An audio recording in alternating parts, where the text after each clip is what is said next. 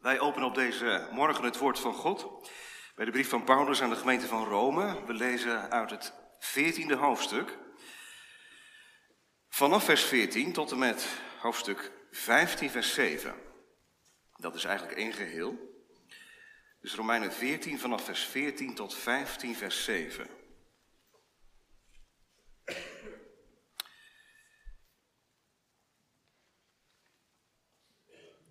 In oktober vorig jaar heb ik een preek gehouden over het eerste gedeelte van Romeinen 14. Toen hebben we gehoord dat we in de gemeente van Christus zijn geroepen tot aanvaarding van elkaar. En dan niet de formele erkenning, oh ja, jij hoort ook bij deze gemeente, oh ja, jij hoort er ook bij. Maar de hartelijke aanvaarding van elkaar, het zien van elkaar. En toen hebben we gehoord dat dat best lastig is, is ingewikkeld, want in de gemeente is diversiteit zoals die er ook was in de gemeente van Rome. Dat zullen we vanmorgen opnieuw horen. En in een diverse gemeenschap heb je twee risico's. Het ene risico is dat de een op de ander neerkijkt. En het andere risico is dat de ander of de een naar de ander omziet in een mate van veroordeling. Dus minachten en veroordelen, dat zijn twee risico's in een diverse gemeenschap. Paulus signaleerde die risico's en daarom schreef hij Romeinen 14 en 15 en roept hij op tot aanvaarding. Paulus kiest geen partij, ik ben voor de een of ik ben voor de ander. Hij komt wel uit voor zijn eigen standpunt. Hij zegt, nou, ik, ik ben van mening dat je geen um, heilige dagen hoeft te houden en dat je vlees kunt eten en dat je ook wijn kunt drinken. Maar daarmee is het niet klaar. Want er zijn ook christenen die, voor wie dat onoverkomelijk is. Daarom roept hij op, in het licht van Gods oordeel, om het oordeel over elkaar uit te stellen, maar elkaar te aanvaarden. En dan gaat hij verder, bij Romeinen 14, vers 14, en dan komt hij eerst met zijn eigen uh, standpunt, zijn eigen overtuiging. Ik weet en ik ben ervan overtuigd in de Heer Jezus dat niets in zichzelf onrein is. Het gaat hier over vlees eten. Alleen voor hem die van mening is dat iets onrein is, voor die is het onrein. Maar als uw broeder of zuster om wat u eet bedroefd wordt, dan wandelt u niet meer naar de liefde. Richt door uw eten niet hem te gronden voor wie Christus gestorven is. Laat dan het goede dat u bezit niet gelasterd worden. Want het koninkrijk van God bestaat niet uit eten en drinken, maar uit gerechtigheid en vrede en blijdschap in de Heilige Geest. Want wie Christus in deze dingen dient, is wel behagelijk voor God en in achting bij de mensen. Laten wij dus najagen wat de vrede en de onderlinge opbouw bevordert. Breek niet om wat u eet het werk van God af. Alle dingen zijn wel rein, maar het is zondig voor hem die door wat hij eet aanstoot geeft. Het is goed geen vlees te eten, geen wijn te drinken en niets te doen waaraan uw broeder aanstoot neemt, waarover hij struikelt of waarin hij zwak is. Hebt u geloof? Heb dat bij uzelf, voor God. Zalig die zichzelf niet oordeelt in wat hem goed dunkt. Wie echter twijfelt als hij eet, is veroordeeld omdat hij het niet uit geloof doet. En alles wat niet uit geloof is, is zonde. Maar wij die sterk zijn, zijn verplicht de zwakheden van hen die niet sterk zijn te dragen. En niet onszelf te behagen. Laat daarom ieder van ons zijn naaste behagen ten goede, tot opbouw. Want ook Christus heeft niet zichzelf behaagd. Maar zoals geschreven staat, al de smaad van hen die u smaden is op mij gevallen. Want alles wat eertijds geschreven is, is tot onze onderwijzing eerder geschreven, opdat wij in de weg van volharding en vertroosting door de schriften de hoop zouden behouden. En de God van de volharding en van de vertroosting mogen u geven onderling eensgezind te zijn in overeenstemming met Christus Jezus, opdat u eensgezind met één mond de God en Vader van onze Heer Jezus Christus verheerlijkt. Daarom, aanvaard elkaar, zoals ook Christus ons aanvaard heeft, tot heerlijkheid van God. Kerntekst voor de preek van morgen is vers 17 van hoofdstuk 14. Al zal de context zeker meedoen. Vers 17, want het koninkrijk van God bestaat niet uit eten en drinken, maar uit gerechtigheid en vrede en blijdschap in de Heilige Geest. En dat bepaalt ons bij de roeping die de gemeente van Christus heeft in deze tijd om te leven uit de kern, dat is het eerste. En ook, dat hoort er helemaal bij, om te leren omgaan met verschillen. Dus leven uit de kern en omgaan met verschillen. Straks na de preek zingen wij Psalm 25, het tweede vers. Heere, maak mij uw wegen door uw woord en geest bekend. Leer mij hoe die zijn gelegen. Dat mag ons gebed zijn na de preek. Romeinen 14, vers 17, want het koninkrijk van God bestaat niet uit eten en drinken, maar uit gerechtigheid en vrede en blijdschap in de Heilige Geest. En dat bepaalt ons vanmorgen bij in de gemeente van Christus zijn wij geroepen tot leven uit de kern. Het koninkrijk van God bestaat niet uit eten en drinken, maar uit gerechtigheid, vrede, blijdschap in de Heilige Geest. Dat is de kern. En in de tweede plaats, wij zijn geroepen tot omgaan met verschillen, want deze tekst kunnen we niet losweken uit de context. En de context is er een van omgang met elkaar tussen sterke en zwakke in de gemeente van Rome. En we mogen het ook toepassen op onze gemeente. Allereerst dus leven uit de kern. Gemeente, jonge mensen, ik val maar met de deur in huis vanmorgen. Stel dat wij deze week een christen uit Nigeria en een christen uit onze gemeente zouden uitnodigen voor een gemeenteavond. En we zouden via vraag-antwoord erachter komen hoe die christen in het leven staat, dan komen we verschillen op het spoor. Ja, zegt u, logisch natuurlijk, Nigeria, Afrika, eh, Apeldoorn, Europa, Nederland. Dat is nogal een afstand. Daar gaan dingen anders dan hier. Misschien hebt u wel eens een keer een dienst meegemaakt in Afrika. Er zitten er hier die een eredienst meegemaakt hebben in Afrika. Nou, dat gaat er anders aan toe dan hier. Dat hoef ik u niet te vertellen. En keuzes die gemaakt worden in het leven zijn ook anders soms dan in Nederland. Maar ja, dat is ver weg. Stel je nou voor dat we twee christenen uit twee kerken in Apeldoorn zouden uitnodigen. Iemand uit de evangelische traditie en iemand uit onze traditie, de gereformeerde. Een stuk dichterbij, allebei in Apeldoorn, allebei in Nederland, allebei de Bijbel als uitgangspunt. Toch? Er komen verschillen op het spoor. En nog dichterbij, stel nou dat we twee christenen uit onze gemeente zouden uitnodigen. Iemand die oorspronkelijk uit de gereformeerde gemeente komt. En iemand die, ik noem maar iets, die oorspronkelijk uit de gereformeerd vrijgemaakte traditie komt. Allebei christen, Allebei nota bene behoren bij één en dezelfde gemeente met overtuiging lid. En je gaat verschillen op het spoor komen. In keuzes die gemaakt worden, in cultuuruitingen, noem maar op. Wat hoort dan bij de kern en wat hoort dan bij de schil?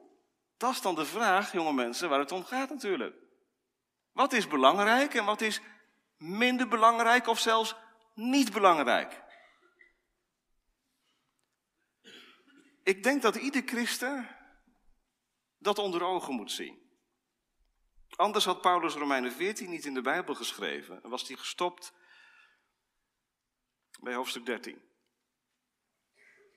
Ieder christen en iedere tijd vraagt daar ook om, dient zichzelf te bezinnen op de vraag, wat hoort bij de kern en wat hoort bij de schil? En niet om het wiel opnieuw uit te vinden, want daar hebben al heel veel mensen voor ons over nagedacht. We zitten in een bepaalde traditie met recht. Onze ouders hebben voor ons wellicht keuzes gemaakt, waarvan je zegt, nou, daar ben ik het ook mee eens. Ik ben blij dat die afslagen genomen zijn in de opvoeding. Het had ook anders gekund, maar ik ben toch blij dat het zo gegaan is. Ik kan daar ook achter staan. Maar het kan ook zijn dat je natuurlijk andere keuzes bent gaan maken. Dat je andere afslagen hebt genomen in je leven. Maar je bent nog wel christen. Tenminste, dat beleid je. Lastig hè? Dat vind ik ook. Noodzakelijke dingen, niet noodzakelijke dingen. De rand, het wezen. Wat is het wezen?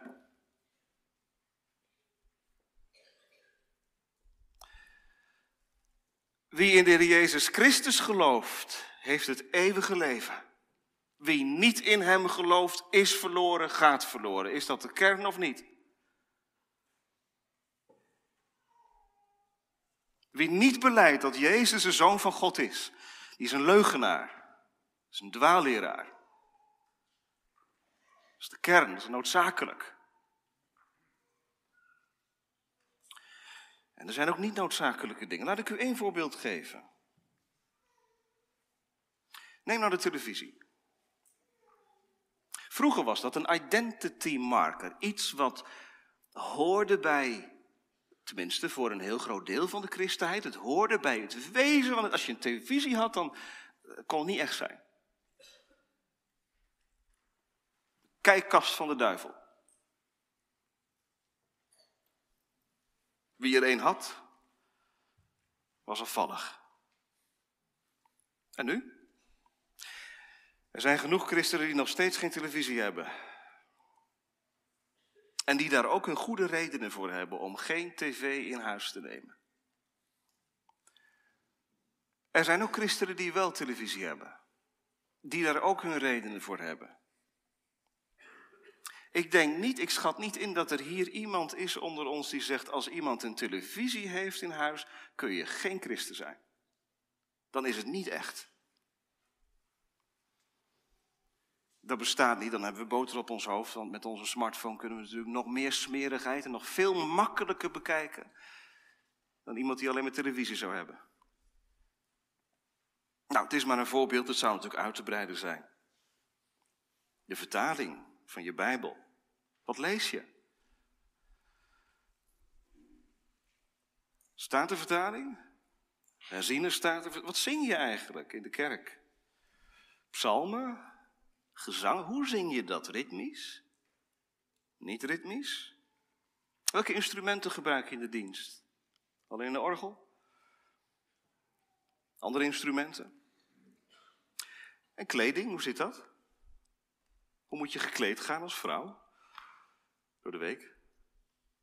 Op zondag? En als man?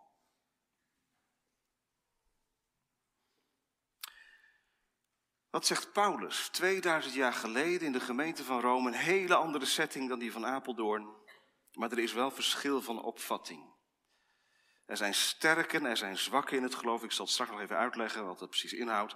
Maar Paulus zegt midden in dit hoofdstuk, vers 17, het koninkrijk van God. Wat is de kern? Bestaat niet uit eten en drinken. Er is iets wat de discussies over wat wel en niet hoort bij het wezen overstijgt. Dat ga ik uitleggen, zegt Paulus. Maar even ter achtergrond.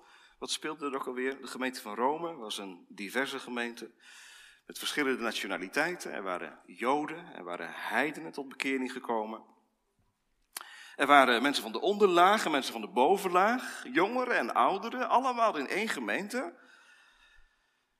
En die verschillen in, het verschil in achtergrond namen ze mee.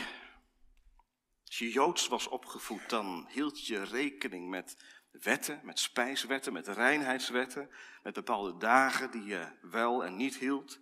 En heidenen, ja, die hadden helemaal geen kader. Die kwamen uit de wereld. En die waren tot geloof gekomen door het evangelie van Christus, door de genade van de Heilige Geest. En ze kwamen ook in die gemeente. En eerst is het allemaal koekoek eenzang, blijdschap vanwege de reddende liefde van Christus, maar na verloop van tijd gaat het spannen. En nou is spanning niet verkeerd in de gemeente. Spanning hoort erbij. Dat is ook weer ontspannend. Want met zoveel verschillende mensen kun je natuurlijk nooit over alles eens zijn. En dat hoeft ook niet. Maar het wordt een ander verhaal als die spanning, zoals in de gemeente van Rome, zich gaat uiten in gedrag, in veroordelen, in minachten. Dat zijn de twee patronen die Paulus signaleert. Er ontstaat ruzie, discussie. Wat doet Paulus dan? Dat vind ik zo mooi. Hij neemt het niet op voor een bepaalde groep in de gemeente. Hij laat zich niet ringeloren. Hij zegt, nou, ik ben voor die groep of ik ben voor die groep. Terwijl Paulus ronduit zijn eigen visie durft te geven, dat wel. Hij zegt, nou, als je het mij vraagt, je kunt alles eten en je mag ook wijn drinken. En die dagen die jullie, die sommigen van jullie houden, volgens mij hoeft dat niet meer. Want hierom en daarom Maar Paulus zegt, hij probeert daarmee de discussie te overstijgen. Of je nou zwak of sterk bent in het geloof, of je nou heel conscientieus bent, zwak, is geen moreel oordeel gemeente. Dat klinkt het wel, hè? Zwak is minder dan sterk. Maar zwak is hier bedoeld als nauwgezet, conscientieus, heel voorzichtig, bang dat je een grens overgaat. Misschien herkent u dat wel bij uzelf. U zegt, ja, ik ben denk ik iemand die heel conscientieus wil leven. Die bang is een grens over te gaan. En dat is niet verkeerd. Je had de sterke in het geloof. Dat waren de mensen die meer vrijheid ervoeren. Het risico is natuurlijk dat dat ook doorslaat in een onbezonnen vrijheid. Die wetten en die regels, dat hoeft niet meer. Paulus hoort bij de sterke. Dat zegt hij. Hoofdstuk 15, vers 1. Kijk maar, maar wij die sterk zijn. Ik ben er één van. Paulus heeft geleerd om te denken, te redeneren vanuit het evangelie en de consequenties door te laten werken in het leven van alle dag. In wat je eet en in wat je drinkt. Maar Paulus zegt niet, jullie moeten allemaal zoals mij denken en leven. Wat dan wel? Dat hebben we de vorige keer gezien. Aanvaard elkaar. Daar begint het mee, hoofdstuk 14, vers 1. Aanvaard dan wie zwak is in het geloof. En het eindigt er ook mee, hoofdstuk 15, vers 7. Daarom, aanvaard elkaar.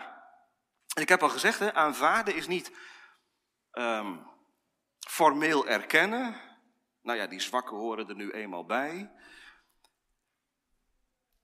Maar ze zien staan. Hartelijk Welkom zijn ze in de gemeente, ook al maken ze andere keuzes. En dan gaat Paulus verder. Bij al die verschillen die er zijn. Over wat te eten, wat te drinken en hoe te leven. Paulus zegt, weet je wat belangrijk is? Ga nou eerst eens terug naar de kern. En zo komt hij halverwege hoofdstuk 14 op vers 17 uit. De kern. En dan gebruikt hij die uitdrukking, het koninkrijk van God. Dat doet Paulus niet vaak. In zijn brieven heeft hij het niet vaak over het koninkrijk van God. Jezus wel.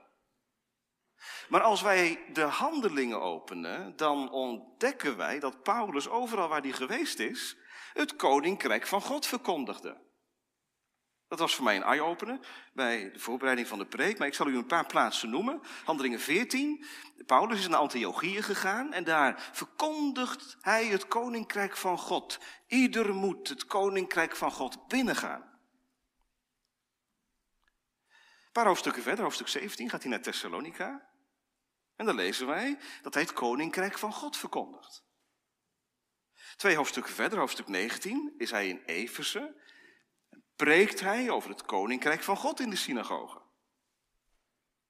Zodat wij in hoofdstuk 20 lezen, als een soort samenvatting. Ik ben rondgegaan, zegt hij, en ik heb overal het koninkrijk van God gepredikt. Tot in Rome toe. Ja, dat klopt. Daar zijn we nou. Romeinen 14.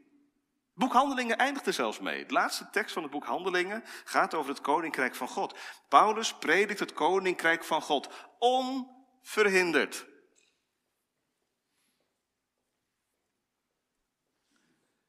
Overal waar Paulus kwam, in al die verschillende culturele uh, omstandigheden. Want Efeze was anders dan Rome en Thessalonica was anders dan Antiochieën. Overal waren andere mensen. Overal heeft Paulus het niet gehad over eten en drinken, over culturele gebruiken. Hij gebruikte geen mal om overal de christenen op dezelfde manier te vormen. Nergens heeft hij opgeroepen om spijswet in acht te nemen. Of om bepaalde dagen te houden. Nee, het ging over de kern. Het koninkrijk van God bestaat niet uit eten en drinken. De kern is, ja, wat is de kern? De noodzaak van geloof en bekering. Dat je een levend lid bent van de gemeente van Christus. Dat je weet dat de Heer Jezus gekomen is naar deze wereld. Niet voor anderen, maar ook voor mij. Dat je de gave van de Heilige Geest ontvangen hebt. Dat je van binnenuit vernieuwd bent. Dat het zondaars bestaan verlost is. Paulus legde geen regels op. Hij verwacht ook niet dat mensen zich aanpassen aan zijn gebruiken. Maar hij predikt het koninkrijk van God. Nou zegt iemand, ja, eh, dat staat hier in de tekst, eten en drinken. Maar wat is dat dan in onze tijd, eten en drinken? Ik zal zo een paar dingen noemen, maar ik kan niet uitputtend zijn, dat zal ik u alvast vertellen. Want het kan natuurlijk zo zijn dat wat ik als een middelmatige zaak zie, dat u dat toch ziet als een kernzaak. En andersom ook. Iets waarvan u denkt, ja, maar dat hoort niet bij de schil, dat hoort voor mij bij de kern. Daarvan zou iemand anders kunnen zeggen, ja, maar dat, is, dat, dat zie ik toch op basis van het woord van God anders. En dat is niet, dat is niet erg. Zolang het niet gaat over de noodzakelijke dingen. Waar de schrift duidelijk over is.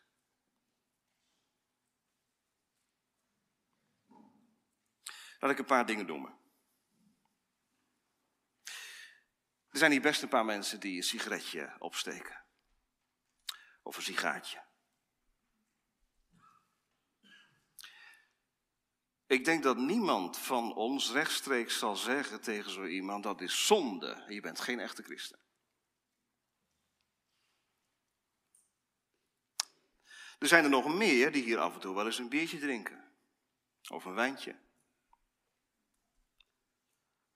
Nou, ik heb nog nooit als dominee gezegd tegen iemand die een wijntje uh, dronk, of zelfs aanbood, u bent geen christen. U kunt geen kind van God zijn.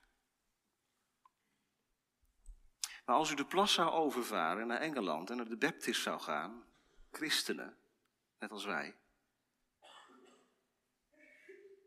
dan staat ons iets anders te wachten. Dat kan niet samengaan. Roken, drinken. Op basis van het woord van God komen die christenen tot de overtuiging dat je ingaat tegen het woord van God. Als je dat doet,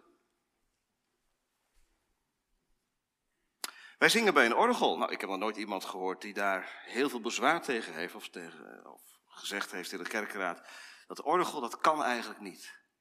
Dit kan geen christelijke gemeente zijn, dat als hier een orgel staat. In Schotland zijn de broeders en zusters die dat wel vinden. Christenen.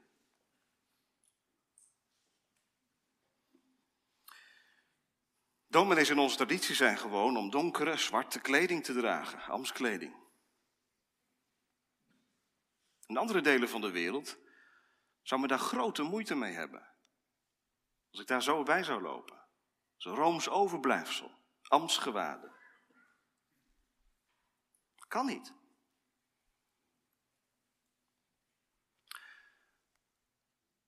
Waarden voor mannen is een tijd geweest, en misschien nog wel in bepaalde delen van de gereformeerde waar dat onbestaanbaar is. Een kind van God kan geen baard over snor hebben. Nou, er is nog nooit iemand geweest die tegen een van de broeders de kerk had gezegd heeft, uh, kan niet echt zijn. Toch gebeurt het. Ook vandaag nog.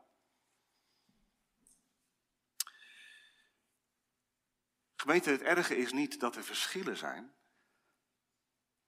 Het schadelijke is dat we er wat van gaan vinden en dat we dat oordeel ook uitspreken en daarmee een ander ook kunnen gaan afwijzen.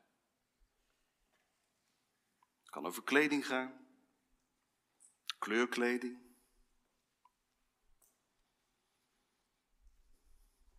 Het kan over zondagsbesteding gaan.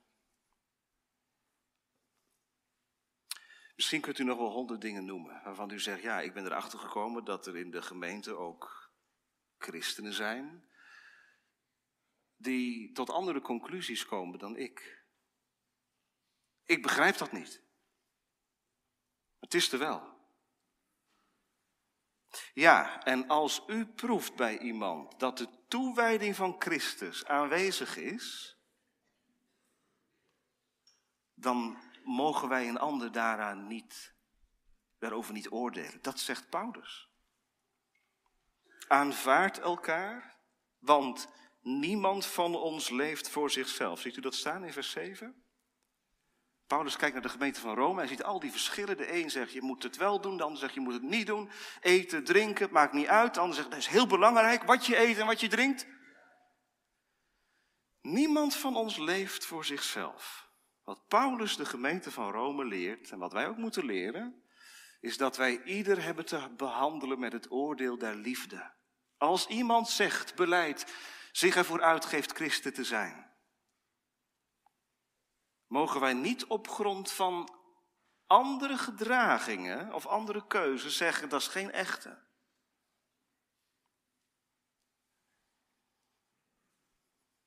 Of laten merken je hoort er niet bij. Er is voor jou geen ruimte hier. Ik weet eens even heel persoonlijk, maar dat vind ik een gevaar van de Bijbelbelt. U weet, als gezin hebben wij een paar jaar buiten de Bijbelbelt gewoond. En we zijn weer teruggekeerd. En ik merk dat het hier makkelijker gaat. Het elkaar veroordelen. Soms alleen in het hoofd, maar soms ook met woorden. Lijkt een beetje op de orthodox-Joodse traditie. In uiterlijk en kleding, maar ook wat groepsdruk betreft. Mensen weten vaak goed hoe het allemaal moet, vooral voor een ander.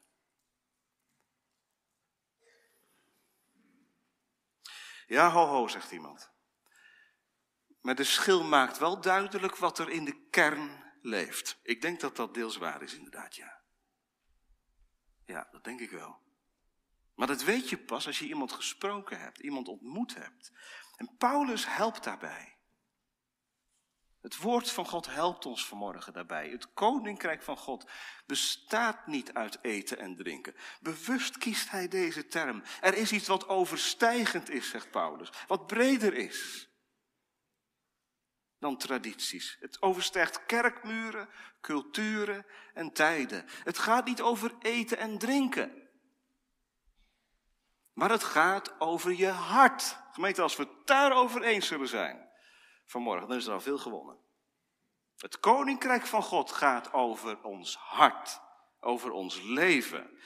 En natuurlijk mag u dan zeggen, ja, maar dat komt er ook uit in keuzes die je maakt. Zeker. Maar hier begint het mee.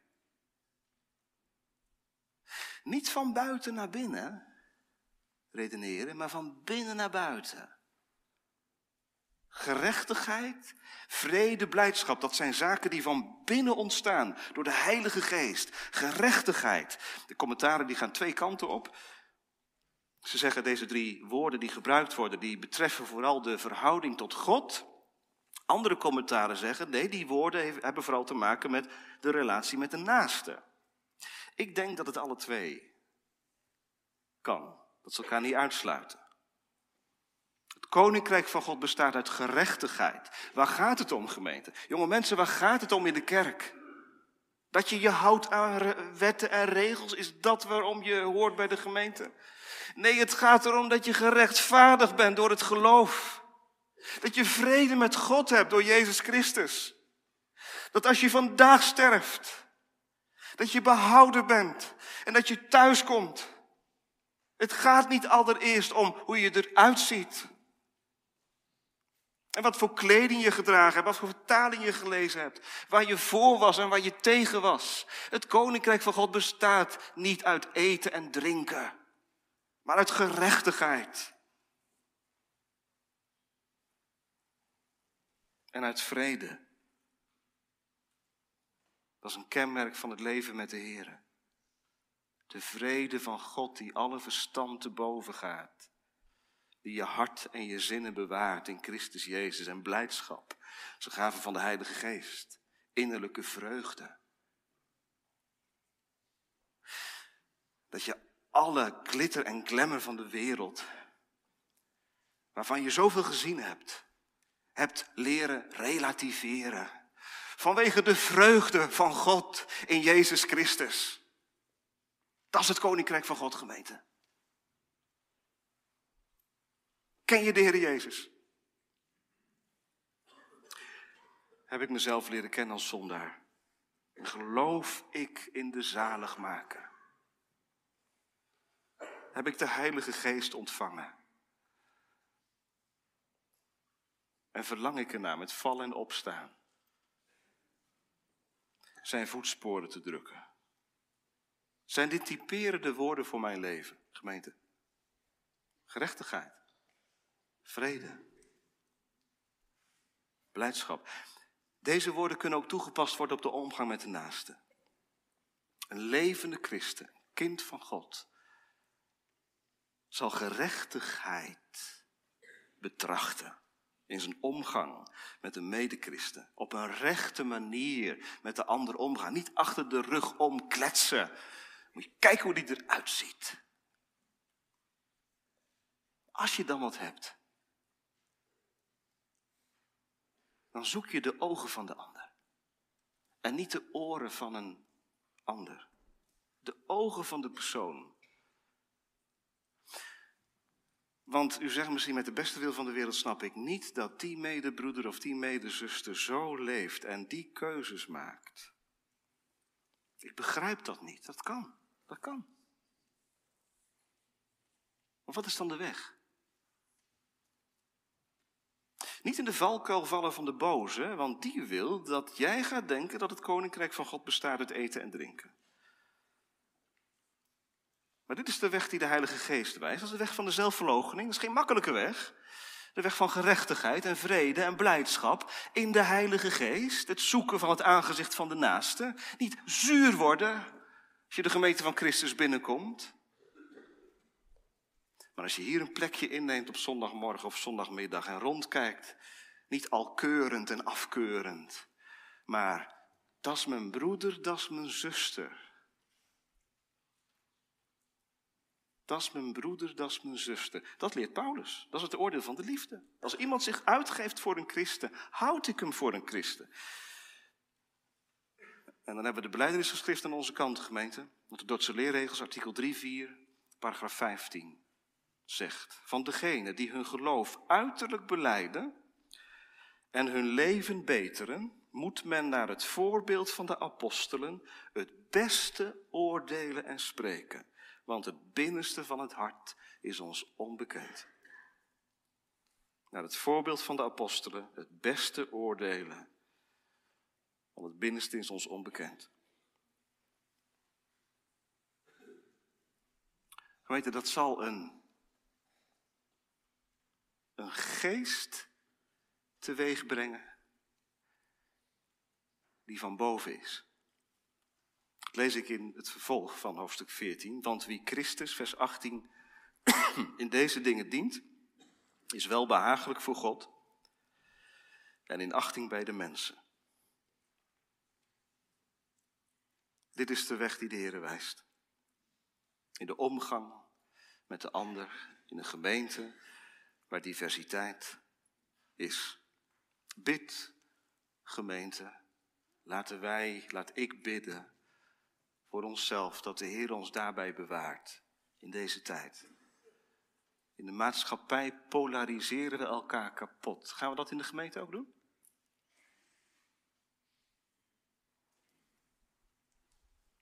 Groepjes denken? Is dat de geest van Christus? De andere maat meten? Gemeente, terug naar de eenvoud van het evangelie. Als je de neiging voelt om het morele oordeel over de ander te vellen, dat is niet de weg die de schrift wijst. Het koninkrijk van God bestaat niet uit eten en drinken, maar uit gerechtigheid en vrede en blijdschap in de Heilige Geest. Dat levert je het welbehagen van God op en ook achting bij de mensen. En van hieruit, gemeente, luisteren we verder naar het omgaan met verschillen. Want vanuit deze kern, schrijft Paulus, laten we dus najagen, vers 19, wat de vrede en de onderlinge opbouw bevordert. Wat, wat bevordert nu de vrede? Dat de sterken zich terugtrekken in het bastion van eigen gelijk en dat de zwakken zich terugtrekken in het bastion van eigen gelijk? Bevordert dat de onderlinge opbouw?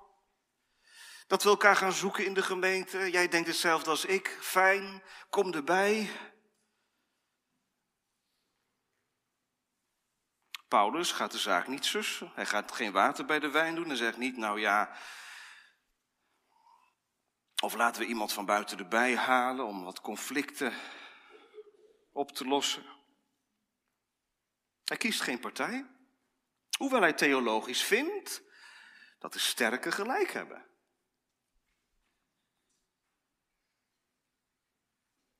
Hij benadert deze gemeente vanuit de kern. Als dit de kern is, vers 17. Wat betekent dat dan voor de omgang met mijn naaste in de gemeente? Nou, allereerst laten we najagen.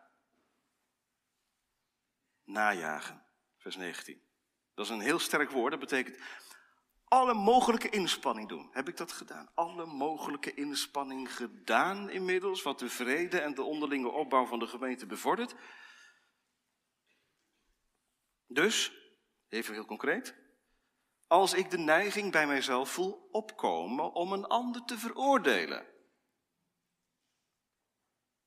Of juist te minachten, dat kan ook. Dat zijn de twee gevaren, heb ik gezegd, die dreigen in iedere concrete christelijke gemeente. Veroordelen, minachten. Dan is de christelijke opdracht om het kwade te overwinnen door het goede. Zo bouw je de hele gemeente op. Als ik in, als individu najaag wat de vrede dient en de onderlinge opbouw bevordert.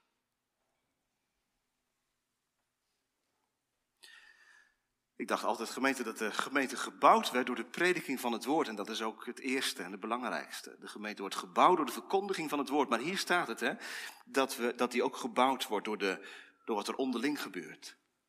Hoe we met elkaar omgaan.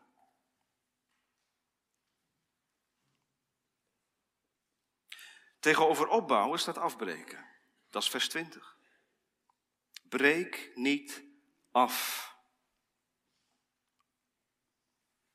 Breek niet omdat u eet het werk van God af. Dat kan ook. Hoe moet je dat voor je zien? Concreet. Een christen in de gemeente van Rome, die wel wijn dronk en wel vlees at, moest hij daarmee stoppen van Paulus? Als een christen zich de vrijheid veroorloofde om wel te eten en te drinken wat een andere christen niet kon. Nee, dat hoeft niet, zegt Paulus. Maar je mag niet een ander dwingen om ook zo te denken. Breek niet om wat u eet het werk van God af, want alle dingen zijn wel rein, maar het is zondig voor hem die door wat hij eet aanstoot geeft. Dat is niet goed. Dan tas je iemand gewetensvrijheid aan en dat is lastig in een gemeente. Dat is de spanning. Wat voor de ene hoort bij de christelijke vrijheid, hoort bij, bij de ander bij de kern. En Paulus zegt, daar mag je elkaar niet over veroordelen. En dan hebben de sterken, zij die meer vrijheid ervaren, de eerste opdracht om de zwakkeren te sparen in hun gevoelens. Dus niet vanuit je vrijheid neerbuigend neerkijken op mensen die conscientieus leven. En niet zoveel vrijheid hebben als jij neemt. Denk te kunnen nemen.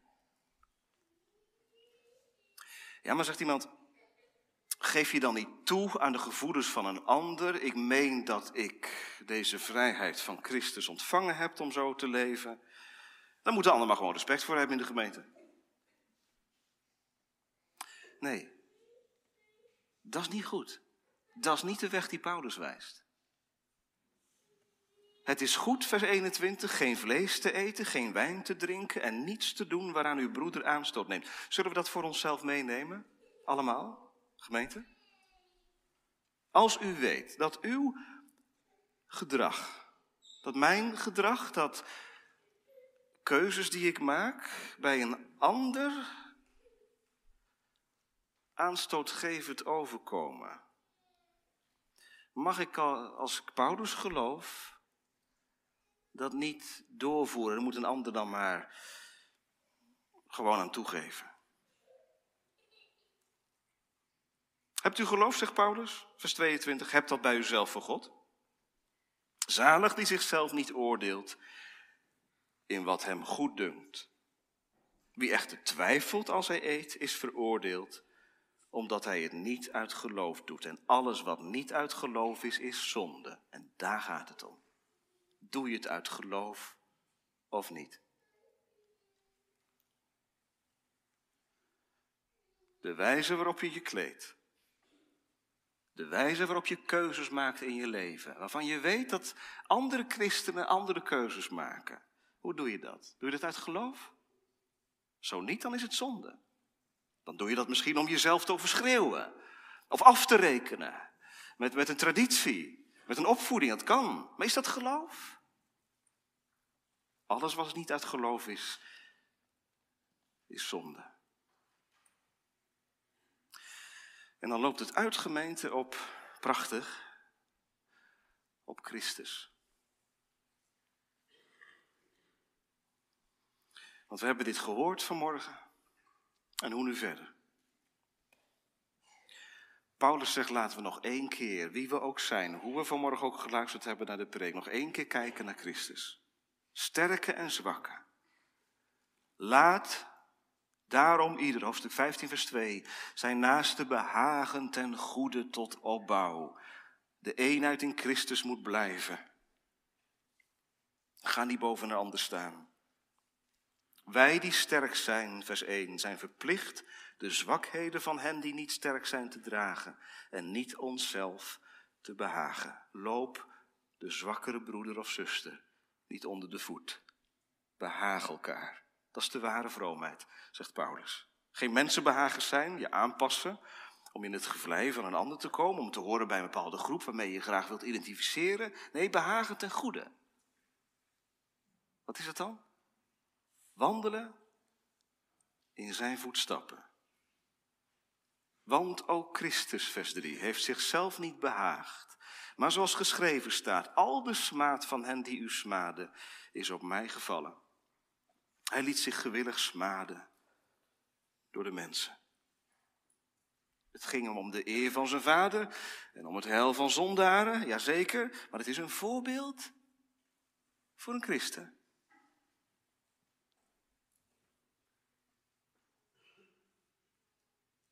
Zelfverloochening.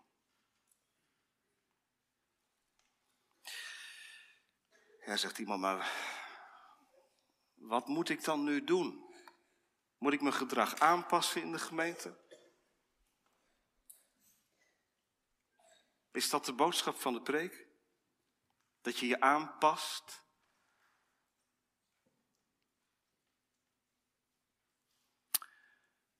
De boodschap is,